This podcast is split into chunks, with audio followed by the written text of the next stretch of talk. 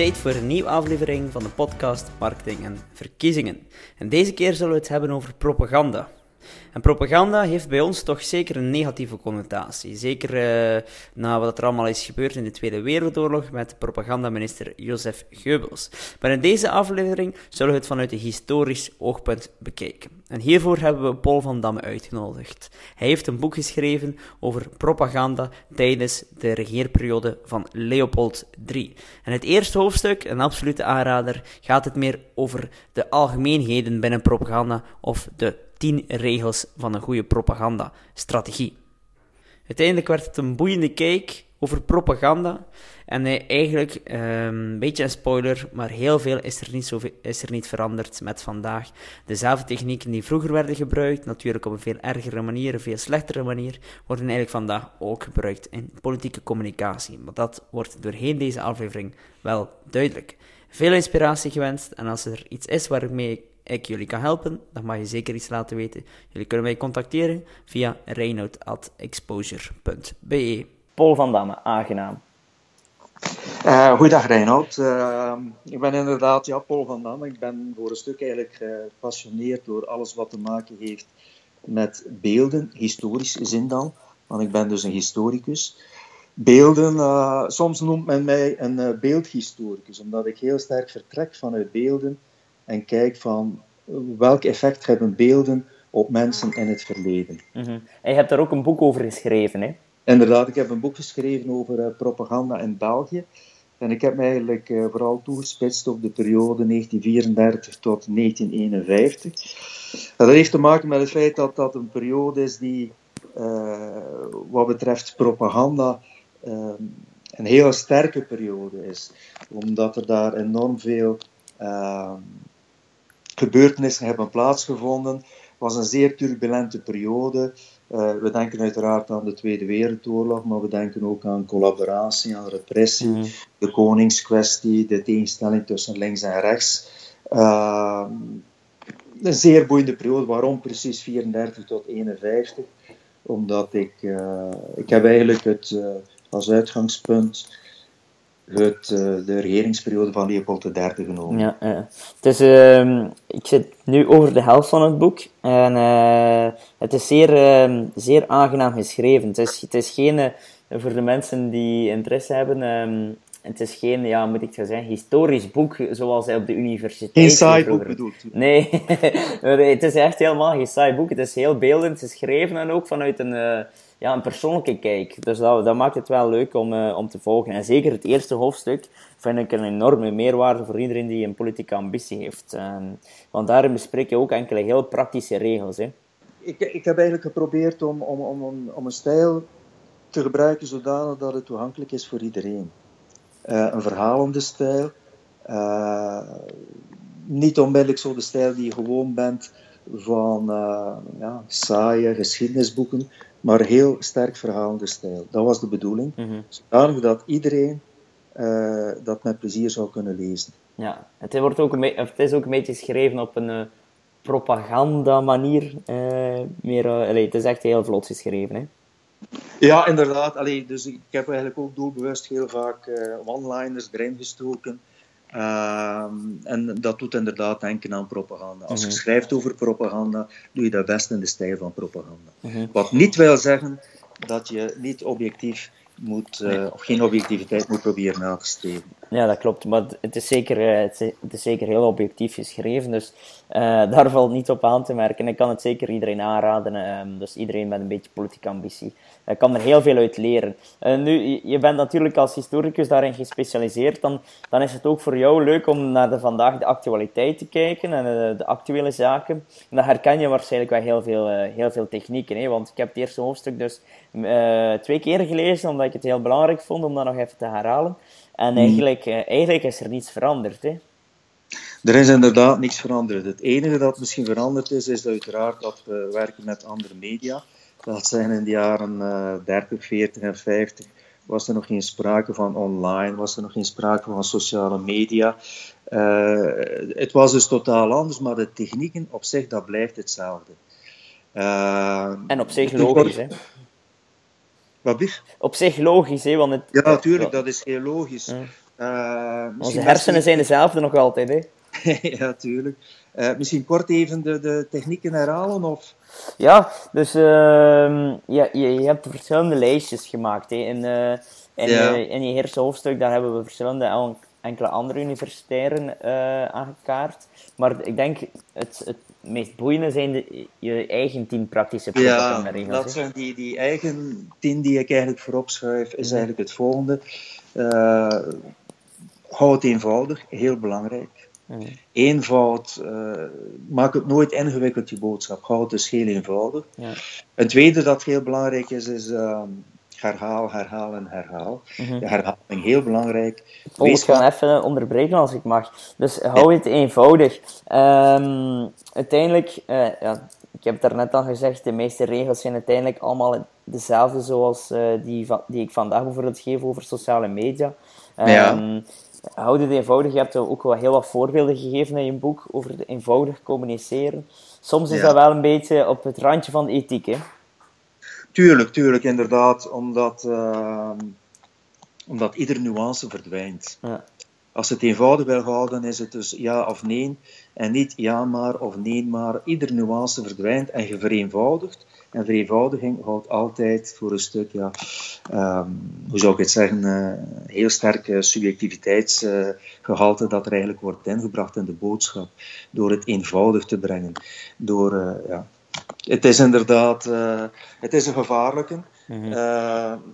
maar het is wel iets dat, dat, dat, werkt. Ja, ja. En uiteindelijk vandaag geldt dus hetzelfde op sociale media. En merk dat bepaalde ja, individuen, partijen, lokale partijen, uh, daar wel wat nog moeite mee hebben. Hè. En ik denk dat, het, dat daar, uh, de nuance daar wel veel mee te maken heeft. Hè. Dat er toch wel een, uh, ja, een angst is om te weinig nuance te geven. Laten we zeggen, als je zeggen, een tweet wil maken en dat mag 140 lettertekens stellen. Ondertussen al 280 zelfs. Ja, 200. Maar probeer dan een keer op een genuanceerde manier een boodschap te brengen. Dat is bijna dat is zeer moeilijk. Mm Maar, natuurlijk, natuurlijk, willen mensen een, uh, een uh, genuanceerde boodschap hebben. Dat is nu een andere vraag. Maar, mm eenvoud. Dus ja. dat was het eerste. Houd het eenvoudig. De tweede tip was uh, herhalen. De herhaling is. Ehm, ja, de herhaling, je, je, moet ervan uitgaan als je dus iets ehm, heel vaak herhaalt, dan blijft er toch altijd iets hangen van de boodschap. Zo eenvoudig is het. Mhm. Dus herhaling, heel belangrijk. Uh, en in die zin ook uh, consistent zijn. Als je kiest voor uh, een bepaald programma, als je kiest voor bepaalde waarden, als je kiest voor bepaalde kleuren, voor bepaalde symbolen, probeer dat consequent altijd toe te passen. Mhm. En dat is iets wat, laat zeggen, tegenwoordig uh, de meeste partijen toch wel doen. Maar af en toe zie je toch wel uh, een aantal, ik zal niet zeggen uitschuivers, toch, maar toch een aantal gevaarlijke zaken. Als een, uh, een partij zoals bijvoorbeeld, ik zeg maar iets, de NVA, het communitaire op een bepaald moment in de diepvries stopt, dan is dat gevaarlijk. En dan leidt dat tot reacties. En we weten ook dat er een aantal dissidenten geweest zijn je zou kunnen zeggen dat is daar dan een gevolg van. Ja, Wees consistent, heel belangrijk. Mm en um, die herhaling, uh, ik denk uh, aan 2018 dat die kracht van herhaling nog veel belangrijker is in vergelijking met vroeger, omdat we vandaag echt een overload in communicatie, of dat we met een overload aan communicatie te maken hebben. En uh, ik denk daarom dat die kracht van herhaling nog belangrijker is dan vroeger. En in mijn workshops, de mensen die je workshop al van mij hebben gevolgd, kennen het experimentje al. Ik vraag vaak aan de mensen van, ja, wie weet er van de slogan van Donald Trump? En uh, meestal 70 tot 80 procent weet wel nog dat de slogan Make America Great Again is. En dan vraag ik, ja, wie, wie weet er nog de slogan van uh, Barack Obama? En uh, meestal 100% of 95% weet nog yes we can. Opvallend hierbij trouwens is dat er nooit iemand, nog nooit, en ik heb de quiz al meer dan 300 keer gedaan, mij nog nooit iemand heeft gevraagd van welke campagne. Want Obama heeft twee campagnes gedaan. En dan mhm. vraag ik, ja, wie weet er nog de slogan van Hillary Clinton? En niemand, vaak of bijna niemand, steekt zijn hand in de lucht. En uiteindelijk, ik heb die quiz ook voor de verkiezingen gedaan, dus het heeft niet zozeer te maken met wie dat de winnaar is of de verliezer, Ja. maar het heeft wel iets te maken met de herhaling. Eh, iedere speech die Obama gaf, yes we can, yes we can, yes we can. Iedere, Mhm. Ieder optreden van Donald Trump, make America great again, make America great again. En Hillary Clinton, zelden heeft ze haar slogan gezegd. En ik vermoed wel dat dat bewust zal geweest zijn, hè, want ik kan me niet voorstellen dat zo'n team dat zelf niet beseft, maar het toont wel de kracht van herhaling aan. Hè. Ja, tuurlijk, inderdaad. En dan die, Ehm. en dan die consistentie, dat is, eh, dat is ook moeilijk. Hè? Eh, moeilijk. Heel moeilijk voor lokale partijen vooral. Omdat, ze, omdat de lokale mandataris eh, niet altijd op de hoogte is van de nationale of de bovenlokale doelstellingen. Ja, inderdaad. Maar, maar wat je dus bijvoorbeeld hier wel in, in, in Vlaanderen eigenlijk merkt, is dat, dat men toch als men eh, reclame maakt, als men propaganda maakt voor een plaatselijke partij, dat dat toch voor een stuk gestroomlijnd wordt door de eh, nationale top eigenlijk. Eh, eh, wat eh 20, 30 jaar geleden niet het geval was. Dus in die zin proberen ze, al is het maar qua kleurgebruik, al is het maar qua eh, opstelling van, van affiches, van folders, er zit een bepaalde lijn in die consist- consistent eigenlijk wordt toegepast. Toch veel meer dan vroeger. Ja, ja. Wat ik meestal eh, aanraad aan politieke partijen is een, ehm, een branding statement te maken. Dat klinkt wel wat fancy, maar dat is eigenlijk gewoon in twee zinnen kunnen zeggen waar je als groep voor staat. En die, die zin, of die twee zinnen, moet eigenlijk iedere kandidaat die op de lijst staat en de vrijwilligers van buiten kennen. Zodanig dat iedereen weet van hoe moeten we consistent communiceren. Want vandaag heeft iedereen, en dat is anders eh, dan in vergelijking met eh, de periode van Leopold, eh, de derde, als ik het goed heb, was het. Ja. ehm, Inderdaad. daar, daar was er ja, vaak maar één zender hè, van iedere partij. Nu heeft Ja. iedere, iedere kandidaat een profiel op Facebook en is iedereen zender geworden. Mhm. En dat is een heel groot verschil. Hè. Ja, een enorm eh, groot verschil. Eh, men moet het in de hand houden, Mhm. ehm, of anders loopt er hier en daar wel een keer een wiel af. Mhm. Maar aan de andere kant, ehm, ja, daardoor wordt toch wel een beetje de vrijheid van de individueel verkozen of de individuele kandidaat toch wel voor een stuk eh, beknot. Ja, ja, dat klopt. En dan kun je vragen stellen rond het, eh, het democratische gehalte daarvan. Mhm. Vertegenwoordigt een, een, een volksvertegenwoordiger het volk, zoals het woord zelf zegt, of vertegenwoordigt het een, het een partij? Ja, ja. Ehm, ja, maar je kan, ook, je kan dan tegelijk ook weer de vraag stellen: het gaat om verkiezingen. Hè? En een verkiezingscampagne moet je nog verkozen worden. Dus eh, dan moet je zelf vaak met een boodschap komen: hè? van kijk, wil je hierop stemmen? Ja. uitera- Uiteraard ga je dat wel gaan aftoetsen hè, met, je, met je doelpubliek. Maar goed, er valt beide voor iets te zeggen, zeker. Eh, je vierde tip, eh, Paul, was. Eh, roep emoties op. Heel belangrijk. Om de heel eenvoudige reden, emoties kun je ook veel minder sterk ontkrachten. Ik bedoel daarmee het volgende. Emotie, emotionele argumenten zijn altijd heel sterk. Omdat eh, je kunt daar met rationele argumenten bijna nooit tegenop. Emotie Eh, dus wint altijd van de ratio. Ja. Emotie haalt het op, op de ratio. Mhm. Heel belangrijk. Ehm, er zitten in het boek tal van voorbeelden, maar ook hier heb je dat. eh, ik steun Theo. Dat is puur op emotie werken. Mhm. Eh, en dat werkt. Dat eh, mensen. goh, je kunt het ook voor een stuk vergelijken met IS bijvoorbeeld, die dus recruteert op basis van geloofsargumenten, op basis van geloof dat eigenlijk een stuk emotie is. En daar kun je moeilijk tegenop. Dan zegt men ja, we moeten ze proberen te overtuigen om een andere kant eigenlijk op te gaan. Maar eh, tegen emotionele geloofsargumenten, dat is een, eh, bijna een onmogelijke zaak. Mhm. En ehm, in, eh, een van de vorige podcastafleveringen had ik het daar ook over met iemand die gespecialiseerd is in hersenonderzoek. En Ja. ja, er is al heel veel onderzoek naar gedaan naar de kracht van emoties. Uh, dat heeft ook gewoon te maken met evolutie. Hè. Ons emotionele mhm. brein is ouder dan het rationele brein. Het, het, mhm. het limbische systeem is gewoon sterker, dus het emotionele gedeelte is sterker dan de neocortex. En, uh, en uh, wat in de podcast, die vorige podcastaflevering ook, dacht ik, werd verteld, is dat mensen die hersenonderzoek nu doen, zien dat bijvoorbeeld um, bepaalde delen, die dus instaan voor de emoties, sneller, sneller of eerder zuurstofrijk bloed krijgen dan de rationele gedeeltes. Mm. Dus die worden eerder aangesproken dan, het dan, dan de ratio. Nu, laten we zeggen, uh, werken op emoties, dat is iets dat uh, heel vaak gebruikt wordt in, in de reclame. Uh, ik denk bijvoorbeeld aan de slogan Weer leven auto's. Mm -hmm. Mm -hmm. Dat, is, allee, dat, dat, zegt eigenlijk niks over de, over de auto, maar dat, is, dat werkt dat wekt een bepaald gevoel op uh, waar mensen zich graag mee vereenzelvigen. Wij zijn een stuk daarvan, we zijn een deel daarvan. Mm uh, je merkt het op heel wat vlakken.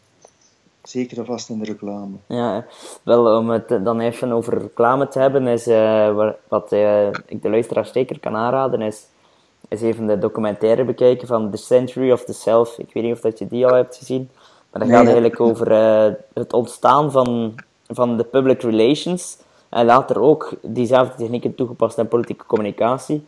Uh, door Bernays. En Bernays was, um, ja, is eigenlijk de, de godvader van de PR. Hij was de neef van Freud. En uh, hij heeft heel veel psychoanalyses gebruikt om eigenlijk inderdaad die reclame zeer emotioneel te gaan opbouwen. En, uh, en ook heel vaak op een onbewust niveau. Dus. The Century of the Self is een hele, heel boeiende documentaire. Ja, nee, heb ik nog niet gelezen of niet gezien. Ja, en uh, roep emoties op, ja, dat, dat is belangrijk. Hè? Maar ik denk wel dat je vandaag met enkele emoties niet voldoende hebt. Je moet ook een stukje ratio hebben. Een stukje. Inhoud met een emotioneel jasje. Ja, het moet in een emotioneel jasje zitten. Dat is, dat is goed voor, uh, verwoord eigenlijk. Mhm. ja. En uh, er is daar ook een ander psychologisch model die het eigenlijk wel mooi aantoont. En dat is het Elaboration Likelihood model. En uh, daarin zien we eigenlijk, als je bijvoorbeeld op emoties, of dat stelt het model, de, als je op emoties overtuigt, in enkel op emoties, op basis van emoties, dat het nadeel is dat, je, dat, ja, dat de overtuiging maar van heel korte termijn is en dat de overtuiging ook vaak uh, te counteren is. Uh, Dus daarom dat die inhoud, of de, het inhoudelijke gedeelte wel nog altijd belangrijk is. Maar inderdaad, inhoud met een emotioneel jasje. Ja. We kunnen misschien overgaan naar tip 5. Inderdaad, uh, tip 5 is uh, versterk het groepsgevoel. Uh, toch wel belangrijk dat je uh, je mensen af en toe samenbrengt om het groepsgevoel te versterken. Nu, het is iets dat die op dit moment razend actueel is, want er zijn een aantal politieke partijen, of er is één bepaalde politieke partij die vooral het element identiteit wil uitspelen. En eigenlijk is dat voor een stuk werken op dat groepsgevoel. Mm dit was ook zo, laat zeggen, in de jaren 30. Dit is nu net hetzelfde. Het groepsgevoel is echt, ja, als je dat voor een stuk kunt voeden, als je, dat, als je kunt eh, de mensen duidelijk maken dat ze er niet alleen voor staan, dat ze werken met gelijkgezinden en je brengt die gelijkgezinden samen, dan gaat men daar nog sterker uitkomen als individu. Dan gaat men nog sterker geloven in de zaak. Mm Vandaar het groepsgevoel. Een aantal partijen doen dat aan de hand van familiedagen en zo verder. Uh, of 1 mei. Of 1 mei, inderdaad. Mm uh, dat is, laat zeggen, uh, ja, een beetje net hetzelfde. Maar dat is vergelijkbaar met wat er in de jaren 30 die, die massabijeenkomsten waren. Mm -hmm. Dat is een krak hetzelfde eigenlijk. Hetzelfde principe, maar een beetje met een andere reden, wel uiteraard. Ja, dat, dat wel. Hetzelfde principe. Nee, um, dat is ook op, opnieuw weer zeer psychologisch. Hè. Het is uiteindelijk een beetje de piramide van Maslow. Hè. De nood aan acceptatie. De nood aan erbij te horen. Mm. Um, er zijn veel psychologen die ook zeggen die, dat uh, de nood aan acceptatie groter is bij sommigen dan de nood aan veiligheid. Uh, erbij horen is belangrijker dan dan veilig zijn. Eh, en dat was een artikel die ik ooit had gelezen van een psycholoog die verklaarde waarom er bijvoorbeeld bepaalde vrouwen toch naar IS willen gaan. Ook al weten ze dat ze het daar waarschijnlijk slechter, slechter zullen hebben, maar ze worden mm. dan wel geaccepteerd. Ze horen bij een groep. Ja, ja, dat, dat, het groepsgevoel is een van de, de belangrijkste dynamieken in, in de samenleving. Uh, was vroeger zo, nu nog altijd. Mhm. Meer dan dan wij denken. Ja, ja. Uh, um, kuddedieren, hè? Kuddedieren. En, en de polarisatie die we eigenlijk voor een stuk overal zien tussen links en rechts is eigenlijk... Uh, men begint een, een, een linksgroepje te creëren en men begint een rechtsgroepje te creëren.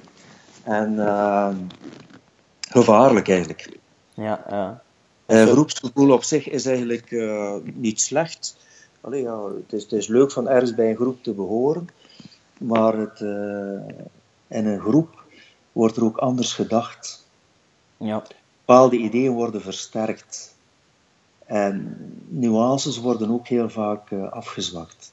Hm, er zijn er heel... Vanuitgaan dat iedereen die tot die groep behoort op dezelfde manier redeneert. Ja, ja. En denkt ja, er zijn er heel veel uh, leuke experimenten rond gedaan, hè, rond groepsconformiteit. Ja, natuurlijk. Uh, heel, heel opvallend. Hè. Uh, is ook een van, uh, er is ook een, een, onderzoek gedaan naar groepsconformiteit omtrent de, het, ja, de bakkelen of het, het, ja, de, de messers omtrent de Pigeon Bay. Of de varkensbaai, sorry, sorry, de varkensbaai. Dus de invasie van uh, Amerika en Cuba, dat hadden ze eigenlijk heel verkeerd uitge uitgedokterd. En dat was eigenlijk omdat er een zodanig sterk groepsgevoel was bij die mensen, dat ze eigenlijk niet meer durfden elkaar tegenspreken.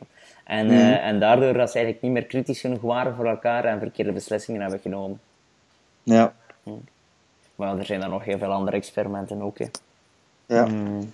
Maar zo komen we uiteindelijk ook wel een beetje bij, bij, bij de volgende, want je had het daarnet over, bij, over ja, wij-zij. Dus enerzijds ja, een groepsgevoel wij, maar dan langs de andere kant is er ook een zij, dus met andere woorden een vijand. Hè? En tip nummer 6 is ook creëer een vijand. Creëer een vijand. Uh, omdat dat uh, het eigen groepsgevoel voor een stuk uh, versterkt. de individuen worden aan elkaar geklet omdat er een tegenstander is. En dat is iets dat heel vaak in de geschiedenis uh, heeft uh, plaatsgehad. Om, om een paar belangrijke historische voorbeelden te geven. De Duitse eenmaking is tot stand gekomen doordat von Bismarck in de jaren 1870 een externe vijand heeft gecreëerd, Frankrijk. Uh, hij is met Pruisen ten strijde getrokken tegen Frankrijk en alle andere Duits sprekende gebieden hebben zich daar dan bij aangesloten. En uiteindelijk heeft men dan tijdens deze oorlog het uh, Duitse Rijk uh, opgericht. en dat is eigenlijk dankzij die gemeenschappelijke vijand. Mm dat is een concreet voorbeeld, maar eigenlijk iedere oorlog gaat men altijd ervan uitgaan als we de vijand als we een vijand hebben, dat dat voor een stuk het eigen groepsgevoel gaat versterken. En binnen politieke partijen heb je dat nu ook eigenlijk. Je, je, je merkt dus dat uh, de polarisatie die, die op dit moment overal plaatsvindt, uh, dat dat uh, voor een stuk ook in de hand wordt gewerkt, omdat dat je eigen versterkt. Mm -hmm. Je eigen partij wordt op die manier versterkt. En uiteraard, een van de voorbeelden is uiteraard de tegenstelling tussen de PS en de N-VA. Uh, zij maken van elkaar een vijand. En dat uh, versterkt het groepsgevoel. Mm -hmm. Ja, beiden. Hè. beiden uh, er werd ook de vorige verkiezingen wel een paar keer geopperd. Hè, van, eigenlijk zijn ze elkaars grootste vijanden, maar ook elkaars grootste vrienden. Ja. Ze hebben eigenlijk elkaar nodig om ja. zelf sterk te worden. Ja, is, uh, een beetje contradictorisch, hè. Maar ja, uiteindelijk, uh, ja, wel, wel de realiteit. Goed, uh, we kunnen misschien overgaan naar tip nummer 7. Ja, tip nummer 7, maak je eigen waarheid. ja, het is alleen mijn waarheid die telt. En uiteraard in, in, in crisissituaties, dan denk ik aan oorlogssituaties waarvoor, waarover dat, dat boek eigenlijk inderdaad ook gaat, daar is het uiteraard heel uitgesproken. Maar als je dus kijkt naar heden ten dagen, maak je eigen waarheid. Het is eigenlijk opvallend dat de laatste jaren dat er uh, in heel wat kranten, tijdschriften, dat er daar uh, artikels in voorkomen, vaste rubrieken, de rekenmeester bijvoorbeeld, waarbij dat men uitspraken van politici, quotes uit de pers, gaat naar hun waarheid proberen te checken klopt het wat er daar eigenlijk allemaal in staat, omdat inderdaad heel wat politici een eigen waarheid creëren. Ehm, maar het is opvallend dat, dat, dat um, woorden zoals fake news, woorden als. Um, ja, ik kan er nu niet met de kop komen, maar laten we zeggen. Uh, dat, dat fake news en, en dat dat nu eigenlijk het woord is uitgeroepen geweest in, in het jaar 2016 tot het woord in Engeland. Ja, ja. Maar, maar deze tip, dus maak je eigen waarheid, is, is vandaag niet wat moeilijker door de sociale media, omdat bijvoorbeeld ook uh, traditionele media die steeds meer factchecks gaan doen, kan er niet steeds allez, als een boemerang terugkeren? Uh, ja, inderdaad, het kan als een boemerang terugkeren. Maar de, de, men redeneert heel vaak zo van, er gaat altijd wel iets blijven hangen. Ja, ja, ja. Oké, dus uh, ook al uh, horen mensen het, het is niet waar, toch blijft er iets hangen. Ja, tuurlijk. Omdat het heel vaak uh, bepaalde stereotypen bevestigt, bij wijze van spreken. Ja, ja, ja. en, en in die zin, er blijft wel iets hangen.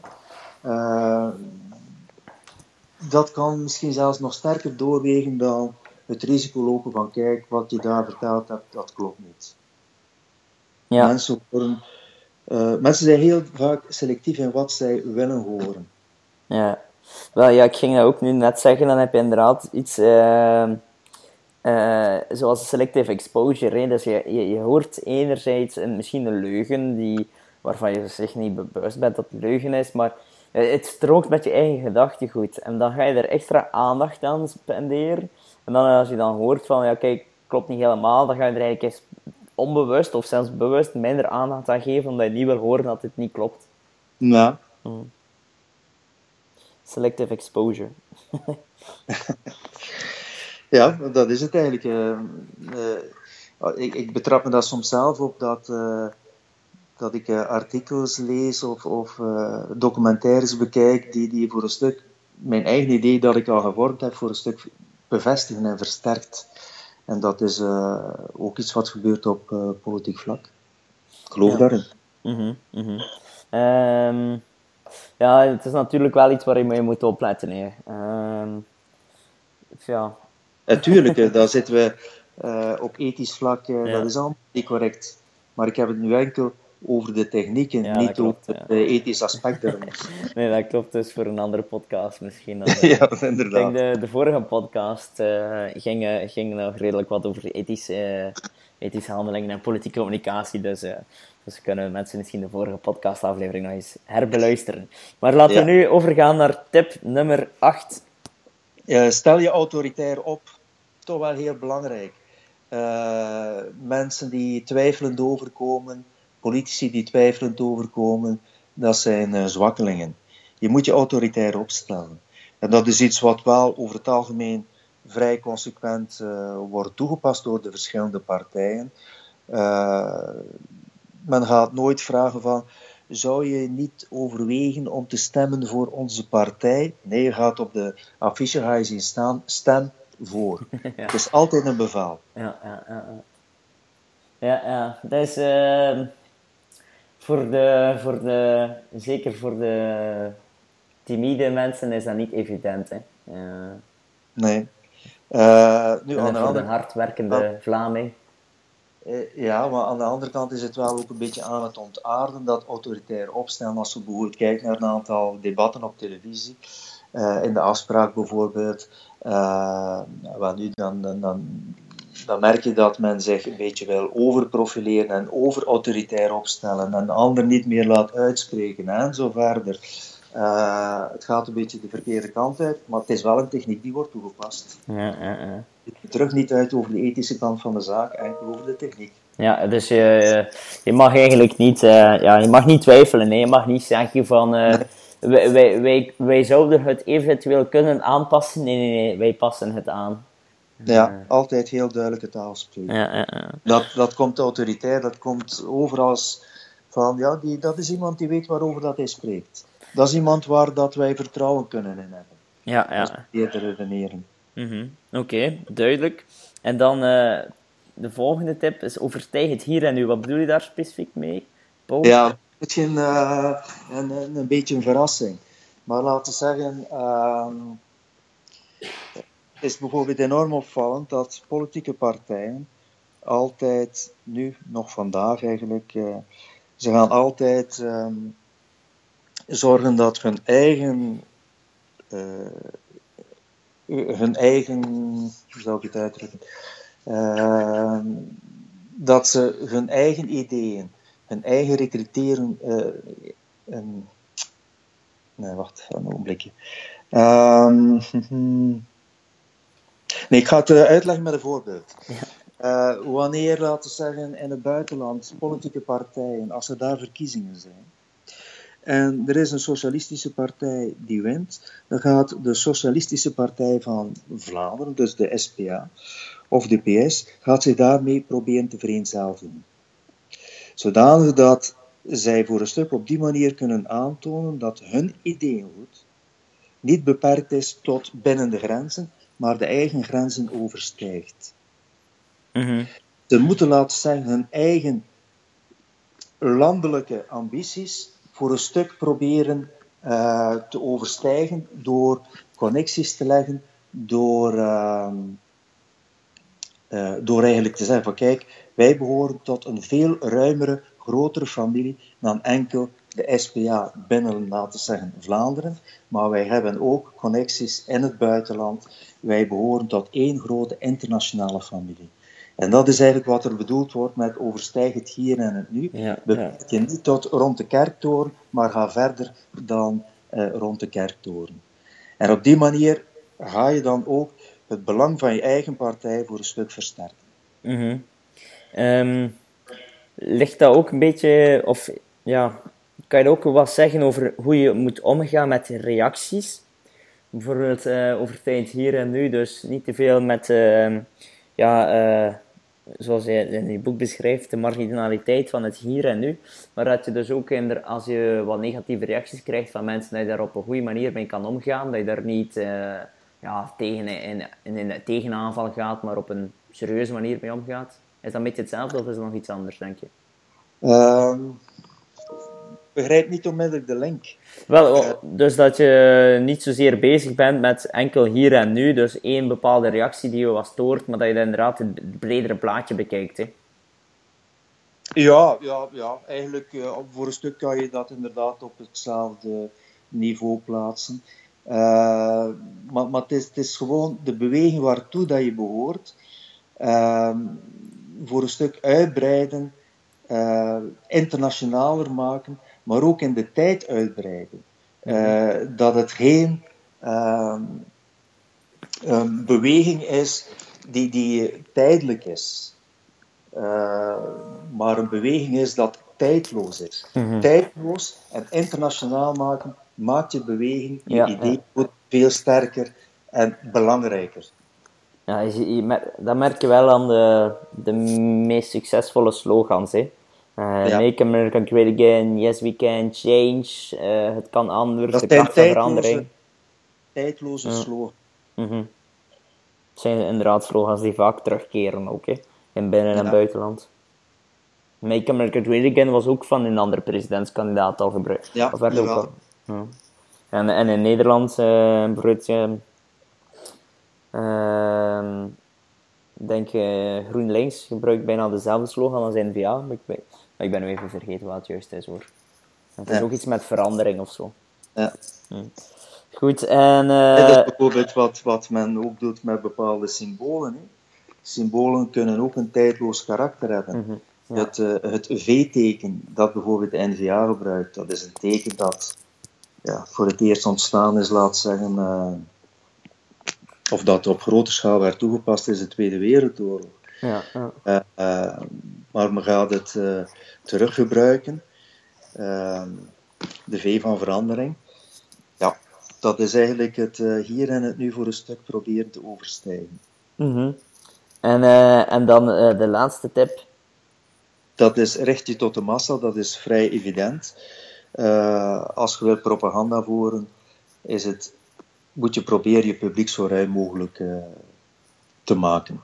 En uiteraard op dit moment is dat een stukje gemakkelijker dan vroeger, dankzij bijvoorbeeld het online verhaal en sociale media en zo verder.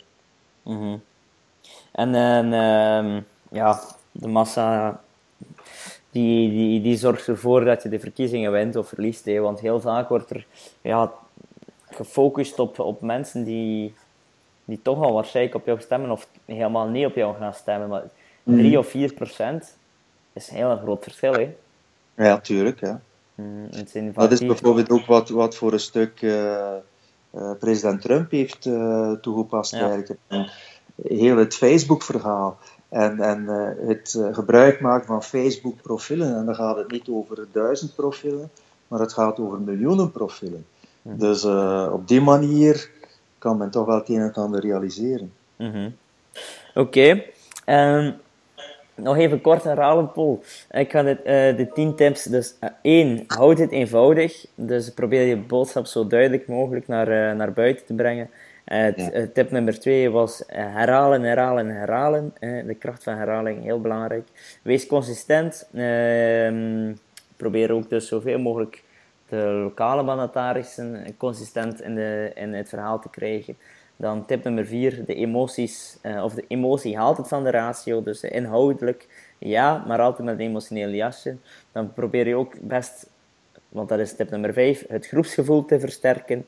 Het wij-zij-verhaal uh, werkt, want een vijand uh, creëren dat zorgt ervoor dat je communicatie sterker wordt en het bijvoorbeeld eenheid kan creëren intern. En tip nummer 7 is maak je eigen waarheid. tip nummer 8 vind ik wel ook nog een, een boeiende. Stel je autoritair op, maar vooral van niet twijfelen, ervan uitgaan dat jij de oplossing bent. En tip nummer 9, overstijg het hier en nu. En de laatste was, richt je tot de massa. Dat klopt, hè? Ja, inderdaad. Mhm.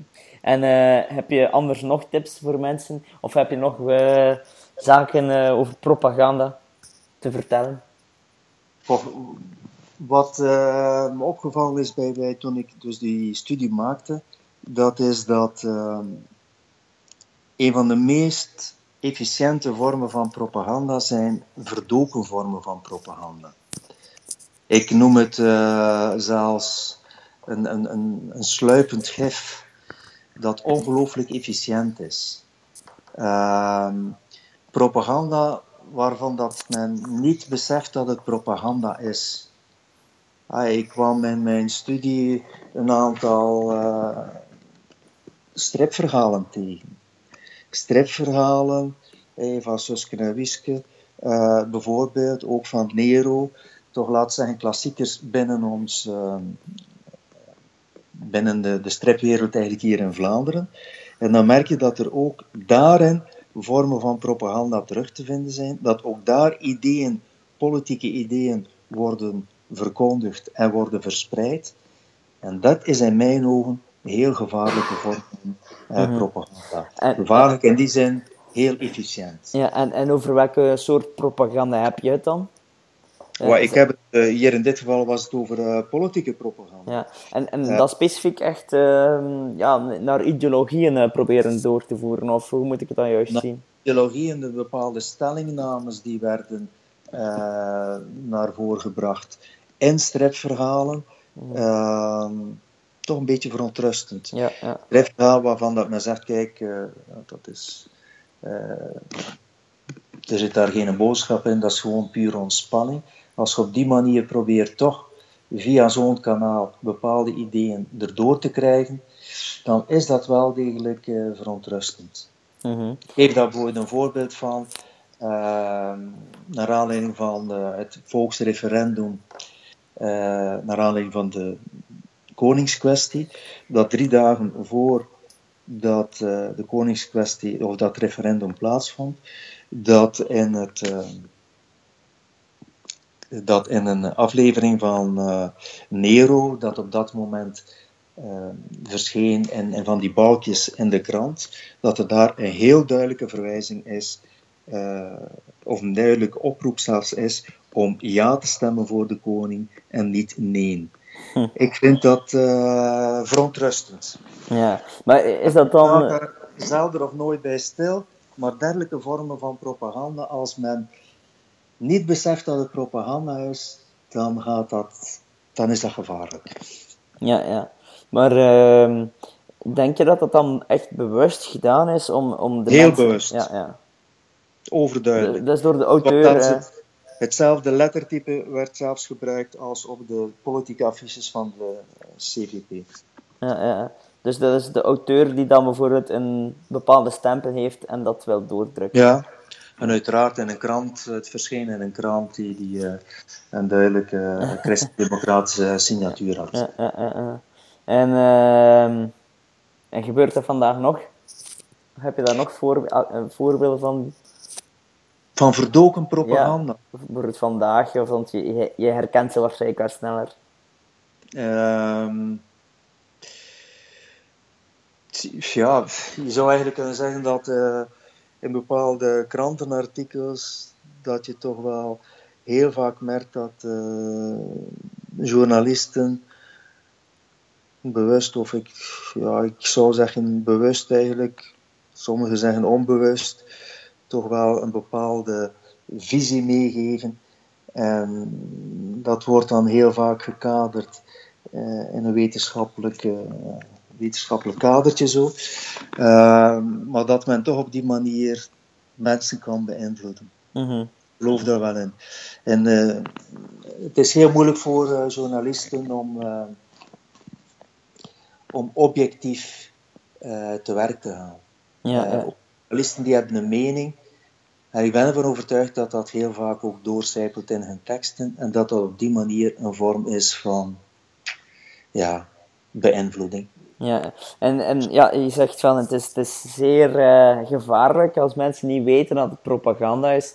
Maar is dat niet altijd zeer, zeer moeilijk om te weten wanneer iets propaganda is? Want uiteindelijk, ja, alle communicatie bevat toch ook wel een beetje, of veel van de communicatie bevat toch ook wel een stuk overtuigingskracht. Of wordt vaak vanuit een bepaald frame geschreven. Ja, wat, daar heb je wel gelijk in, maar, maar ik, allee, ik wil zeggen, als je een politiek affiche ziet naar aanleiding van de verkiezing, dan weet iedereen dat is propaganda. Mm -hmm. Daar gaat daar niet over gediscussieerd worden.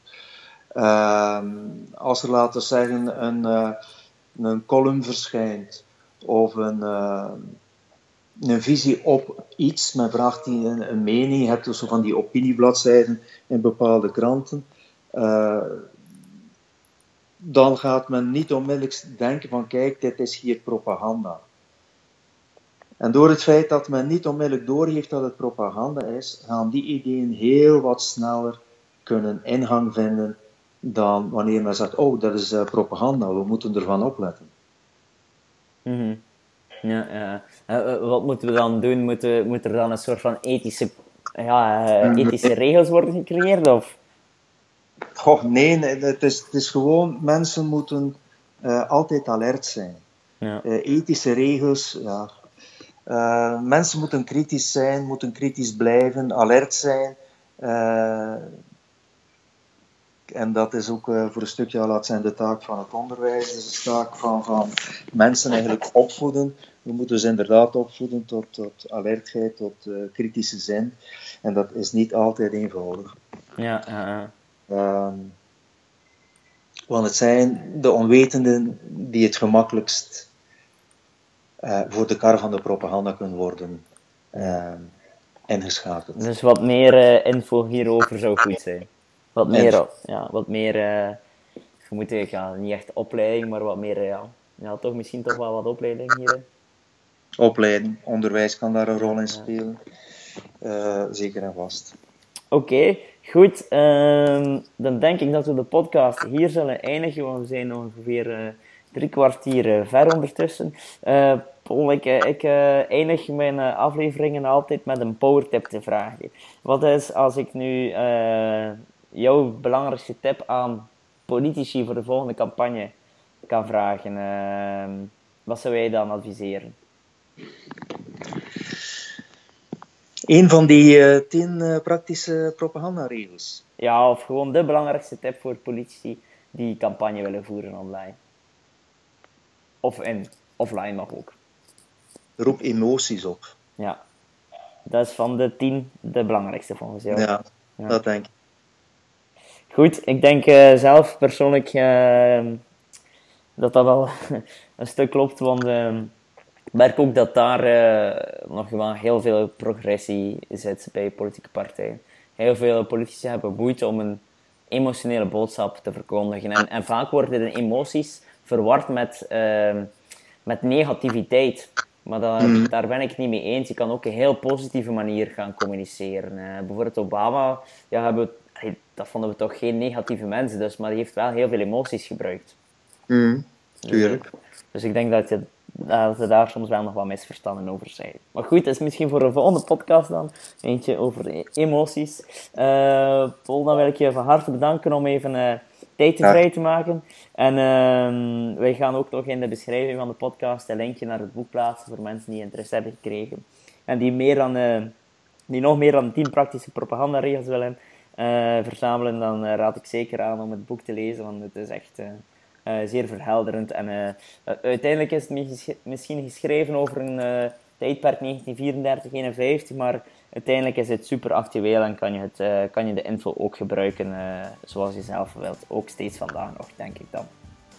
Oké, okay, dankjewel. Oh, dankjewel, tot de volgende. Ja, ja tot de volgende.